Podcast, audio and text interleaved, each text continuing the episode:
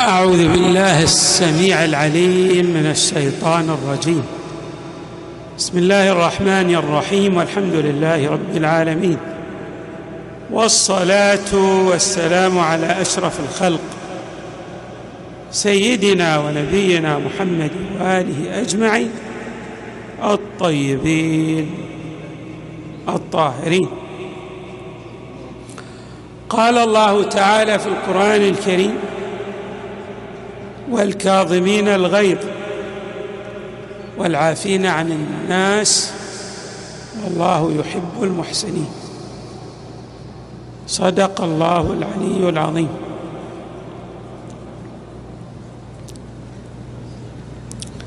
من جملة الأمور التي عالجها الشارع المقدس ضبط سلوك الإنسان. بمعنى أنه قوم هذا السلوك في العسر واليسر في فرحه وسروره وفي حزنه وأتراحه في انبساطه وفي حالة غضبه. الطوارئ التي تطرأ على الإنسان أراد الشارع أن لا تؤثر على ذلك السوي في مساره من خلال ضبط سلوكه تحت قواعد مرتضاه من لدن الشارع المقدس. ومن أهم تلك الأمور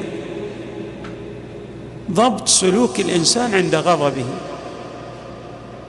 بمعنى أن لا يغضب عندما يجد تصرفا لا يرتضي أو قد يكون هذا التصرف يضاده بل قد يكون التصرف يسيء إليه ولكنه مع ذلك يأمره الشارع المقدس بأن يتعامل مع ذلك التصرف من خلال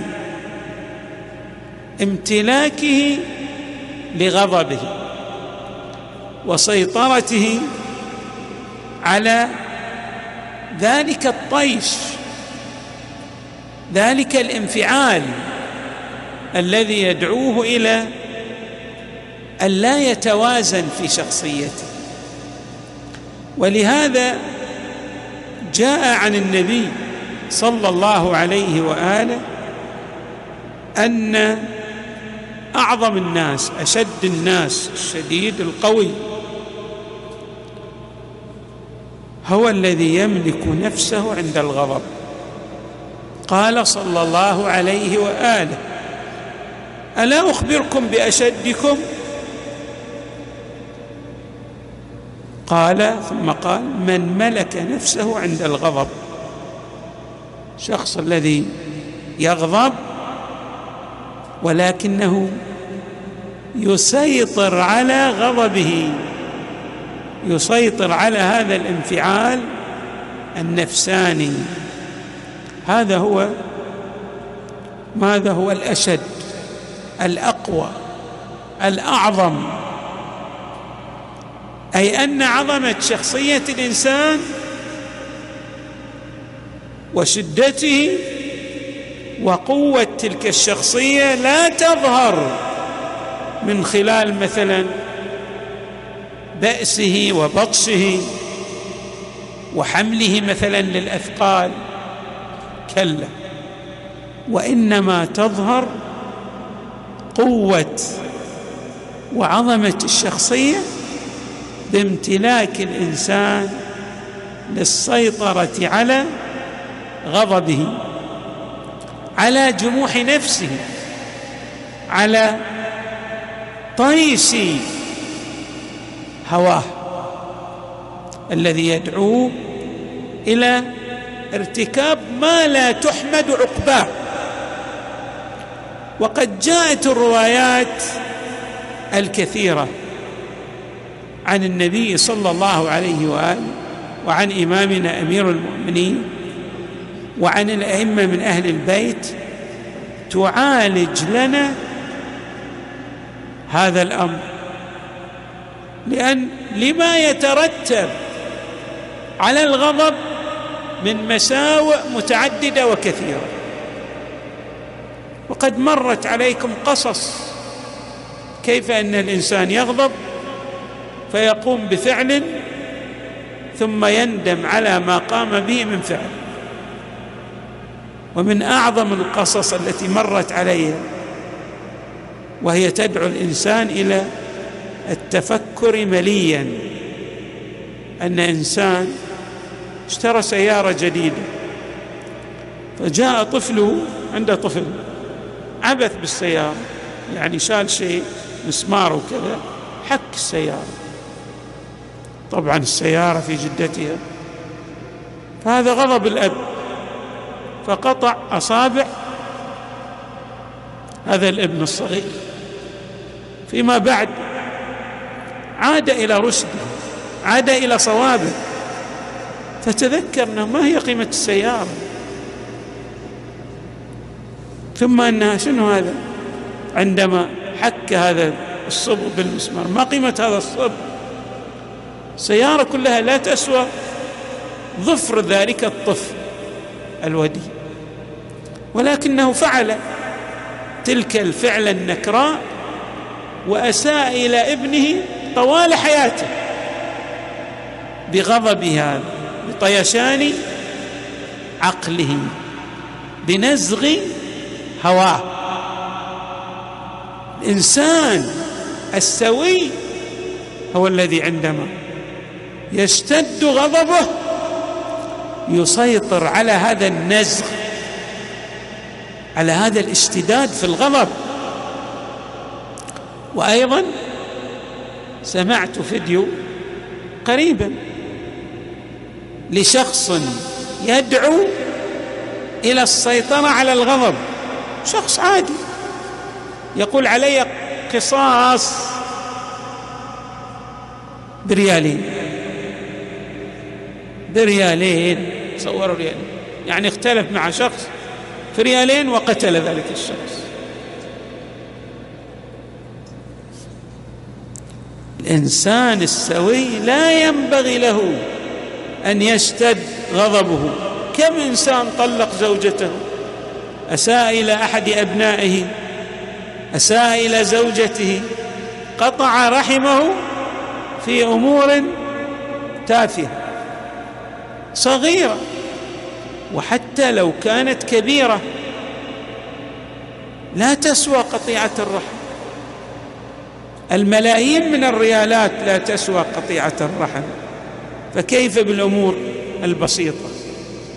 إنسان عليه أن يلتفت إلى مسألة اسمها الأولويات. أيهما أولى؟ أعظم أن تصل رحمك أو أن تكسب المال الأعظم والأحسن أن أصل رحمي والمال هذا حتى لو خسرته لا قيمة له في بأزاء بمعادلة صلة الرحم. حري بالعاقل أن يلتفت إلى مسألة الغضب ومعالجة الغضب.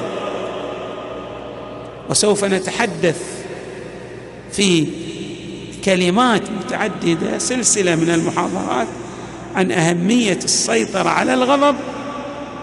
في الروايات الواردة عن المصطفى صلى الله عليه وآله وأمير المؤمنين عليه السلام والأئمة من أهل البيت صلوات الله وسلامه عليهم أجمعين لأنها تعطينا إضاءات تشرح لنا الكيفية المثلى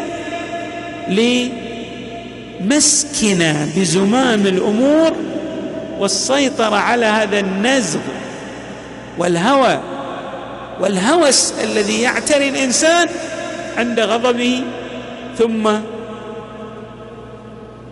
يجعله يرتكب ويقترف أمورا غير محموده يقول إمامنا الباقر عليه السلام إن هذا الغضب جمره من الشيطان تتوقد في قلب ابن آدم. وإن أحدكم إذا غضب احمرت عيناه وانتفخت أوداجه. بعد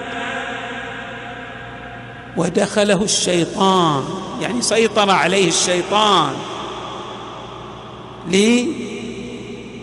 ليسول له القيام بأفعال تغضب الحق تبارك وتعالى. وأيضا رواية وردت عن المصطفى صلى الله عليه وآله في هذا الشأن. يقول صلى الله عليه وآله وإن الغضب جمره في قلب ابن آدم. أما رأيتم إلى حمرة عينيه وانتفاخ اوداجه فمن أحس بشيء من ذلك فليلصق بالأرض. وهذا دواه دواء ناجع يعطينا إياه الرسول صلى الله عليه وآله هو تغيير الوضع الحالي. إذا أنت غضبت غير وضعك حتى تتيح لعقلك أن يسترشد بالإضاءات. هناك للعقل إضاءات ولكن طيش هذا الطيش هذا الغضب الذي يعتريك يغطي على إضاءات العقل. فإذا أردت أن تستقبل ومضات عقلك غير في حالتك. إذا أنت قائم اجلس. إذا أنت جالس قم. أو اضطجع. افعل. أو اذهب إلى مكان بعيد وتفكر مليا. عندئذ ستدرك الفعل الجميل والمحمود الذي ينبغي عليك أن تقوم به. لماذا؟ لأنك أعطيت لعقلك فرصة أن يستهدي أن يسترشد. فإذا تغيير الحال هذه توجيه جاء في الروايات على لسان النبي صلى الله عليه وآله وأيضا على ألسنة أهل البيت صلوات الله وسلامه عليهم أجمعين. أيضا تبين الروايات أن نار الغضب إذا لم يطفئها الإنسان جعلها تشتعل. أول من يحترق هو بها. يعني هذا اللظى هذه النار التي اشتعلت في وجوده أول من يتأثر هو بها. فإذا حري بنا أن نلتفت إلى هذه الروايات. الرواية أيضا عن الإمام الصادق عليه السلام. الغضب نار موقدة. من كظمه اطفاها أطفأ هذه النار الموقدة. ومن أطلقه كان أول محترق بها. أول شخص يحترق بهذا الغضب هو ذلك الغضبان. ترى في بعض الأحيان قد هو يسيء إلى غيره. ولكن هناك تأثيرات نفسانية تعود عليه أعظم من إساءته إلى غيره ويكفينا البعد عن الحق تبارك وتعالى. هذا احتجابه عن الله تبارك وتعالى ورجوعه كما تعبر بعض الروايات إلى البهيمية يعني كأنه بهيم لأنه يغطي على نور عقله لا يستضيء بنور عقله. نعم. ولهذا حضت الروايات وحثت على أهمية إطفاء هذه النار. إمامنا أمير المؤمنين جاء عنه في وصيته لعبد الله بن عباس عندما استخلفه على البصرة. قال له وإياك والغضب. فإنه طير من الشيطان. الغضب هذا نوع من التطير. شلون إحنا عندنا التطير والتشاؤم؟ بس هذه الطيرة مصدرها من إيه؟ من الشيطان. ويقول عليه السلام يحذر أحد أصحابه واحذر الغضب. فإنه جند عظيم من جنود إبليس. بل أن الإمام أمير المؤمنين عليه السلام نص على أنه جنون لأنه يفقد التوازن العقلي للإنسان التصرف السوي. يقول عليه السلام الغضب ضرب من الجنون وفي رواية أخرى يقول أوله جنون وآخره ندام آخره ندم. فإذا حري بنا أن نلتفت إلى هذه الإضاءات التي يعطيها الإمام المعصوم عليه السلام لنا لنوازن أنفسنا عند حالة الهيجان والغضب. بعض الناس حتى الابعد منه يدرك أنه حاد في تصرفاته؟ يعني دائما يتعامل مع غيره بنوع من الحدة الناتجه عن غضبه وطيشان عقله. يقول الإمام عليه السلام إمام أمير المؤمنين الحدة هذه قسم قسم ضرب من الجنون. لماذا يا أمير المؤمنين؟ يقول لأن صاحبها يندم فإن لم يندم فجنونه مستحكم. هذا مجنون ماذا؟ جنون مترسخ في الجينيتيك ماله مثل ما نعبر بالتعبير الحديث. يعني هذا كل ذرة من وجوده تفصح عن جنونه. وأيضا في رواية له في مسألة الغضب والمضاده للغضب مع عقل الإنسان ورشده وأناته وتعقله. يقول عليه السلام الغضب يفسد الألباب. يعني شلون؟ إحنا نمزج بعض الأشياء مع الأشياء التي تتضاد وإياها. تزول فائدته. مثلا لو عندنا ماء صافي فلوثنا ذلك الماء بقذاره انتفت فائده الماء لن نستفيد من الماء الغضب يفسد الألباب ويبعد من الصواب. طيب كيف نسيطر على غضبنا؟ يقول من خلال تحكيم العقل في تصرفاته. انظروا إلى هذا التوجيه من لدن الإمام عليه السلام. يقول عليه السلام هذا الإمام الصادق من لم يملك غضبه لم يملك عقله. يعني إذا أنت عاقل حكم عقلك في السيطرة على غضبك. ليتاح لك ماذا؟ أن تسترشد بهذه الإضاءات العقلية كي لا تقترف الخطأ القاتل الذي يعود عليك بالسوء بالعاقبة الوخيمة. إمامنا أمير المؤمنين عنده تعبير جميل أيضا. يقول أقدر الناس على الصواب من لم يغضب تريد دائما أن تكون الآراء التي تصدر عنك ومنك آراء تمثل السداد والصواب فأبعد نفسك عن الغضب أسأل الله أن يجعلنا من الحلماء الذين يتصفون بالرشد والأناة والسيطرة على عقولهم خصوصا عند غضبهم. والحمد لله رب العالمين. صلى الله وسلم وزاد وبارك على سيدنا ونبينا محمد وآله أجمعين الطيبين الطاهرين.